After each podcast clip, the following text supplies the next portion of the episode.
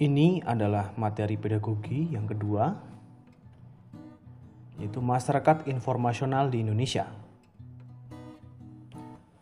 Pada fase masyarakat industrial, fokus utama adalah bagaimana masyarakat dengan segenap penguasaan ilmu pengetahuan dan teknologi berusaha mengolah bahan baku yang disediakan oleh alam menjadi komoditas yang berpotensi meningkatkan kualitas hidup akan tetapi sekarang ini ketika memasuki era masyarakat informasional, bukan lagi perkara bagaimana berproduksi untuk akumulasi kapital.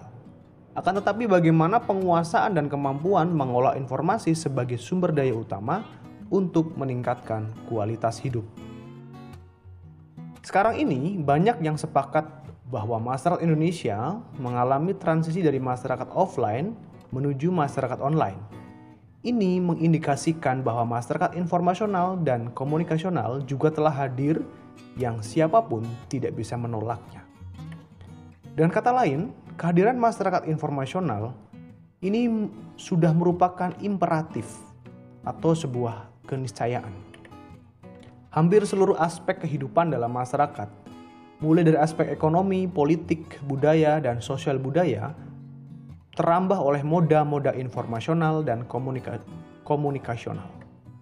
Sekarang ini informasi tidak lagi mewujud dalam bentuk pengetahuan yang terdokumentasi secara padat seperti barang-barang cetakan. Tetapi telah berubah menjadi serba digital. Proses digitalisasi terjadi dalam berbagai aspek kehidupan manusia yang tentu saja berimplikasi terhadap perubahan nilai, cara pandang, dan pola-pola perilaku masyarakat. Dari data Asosiasi Penyelenggara Jasa Internet Indonesia (APJII), penetrasi internet di Indonesia mencapai 132,5 juta orang pada 2016 dan tumbuh pesat dari 2015 yang baru 88,1 juta orang. Hal itu tidak lepas dari kerja keras para operator telekomunikasi yang memperluas jangkauan layanan mereka. Bersama dengan itu, pemerintah juga mengeluarkan regulasi yang mendukung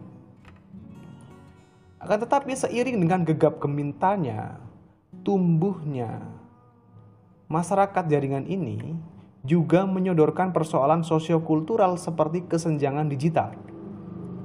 Dalam institusi keluarga pun juga menyodorkan persoalan kesenjangan antara generasi para orang tua yang masih disebut dengan digital immigrant dan generasi anak cucunya yang disebut dengan generasi digital native.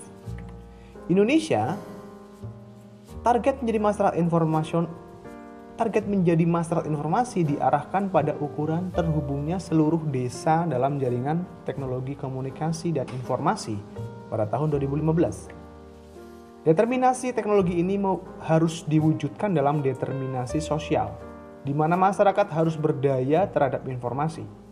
Konsep masyarakat informasi tidak lagi mengarah seperti era media yang telah muncul pada era industrial atau sering disebut the first media age, di mana informasi diproduksi terpusat, satu untuk banyak halayak.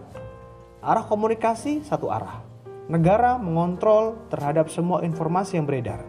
Reproduksi stratifikasi sosial dan ketidakadilan melalui media. Dan halayak informasi yang terfragmentasi.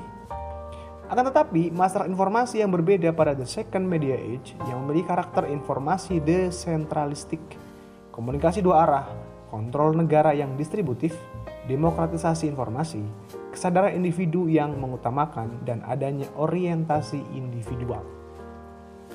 Luapan konten informasi dan teknologi yang memungkinkan untuk user generated sebagaimana karakter media baru seperti munculnya blogs, website, citizen journalism, ataupun digitalisasi yang memungkinkan semakin banyaknya jumlah siaran televisi, radio, webcast, dan juga semakin mudahnya menerima terpaan informasi di mana saja.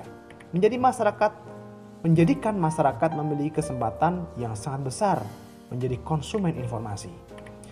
Era informasi seharusnya menjadikan masyarakat disebut prosumen, produsen sekaligus konsumen informasi. Ciri utama masyarakat informasi adalah bahwa semua aktivitas masyarakatnya berbasis pada pengetahuan. Oleh karena itu, dalam dunia di mana informasi dan pengetahuan terus beredar, pemerintah bercita-cita untuk membangun negara sebagai masyarakat yang berpengetahuan. Akan tetapi justru di sinilah kemudian menimbulkan masalah, sebab perkembangan masyarakat di Indonesia tidak linear dan homogen. Ada sebagian masyarakat yang sudah berada dalam tahap siap memasuki masa informasi karena telah mempunyai basis pengetahuan kuat dan menggunakannya sebagai dasar utama bagi aktivitasnya. Sementara banyak juga warga masyarakat yang berakar kuat pada kultur agraris, tradisional, penuh mistik, dan pandangan dunianya kurang mampu cepat beradaptasi terhadap perkembangan ilmu pengetahuan dan teknologi. Akibatnya, ketika pemerintah membangun infrastruktur teknologi informasi dan komunikasi, secara signifikan, sebagian besar warga masyarakat kurang mampu memanfaatkan teknologi informasi dan komunikasi untuk kepentingan yang lebih produktif karena terdapat rendahnya tingkat kesadaran masyarakat akan pentingnya pengetahuan.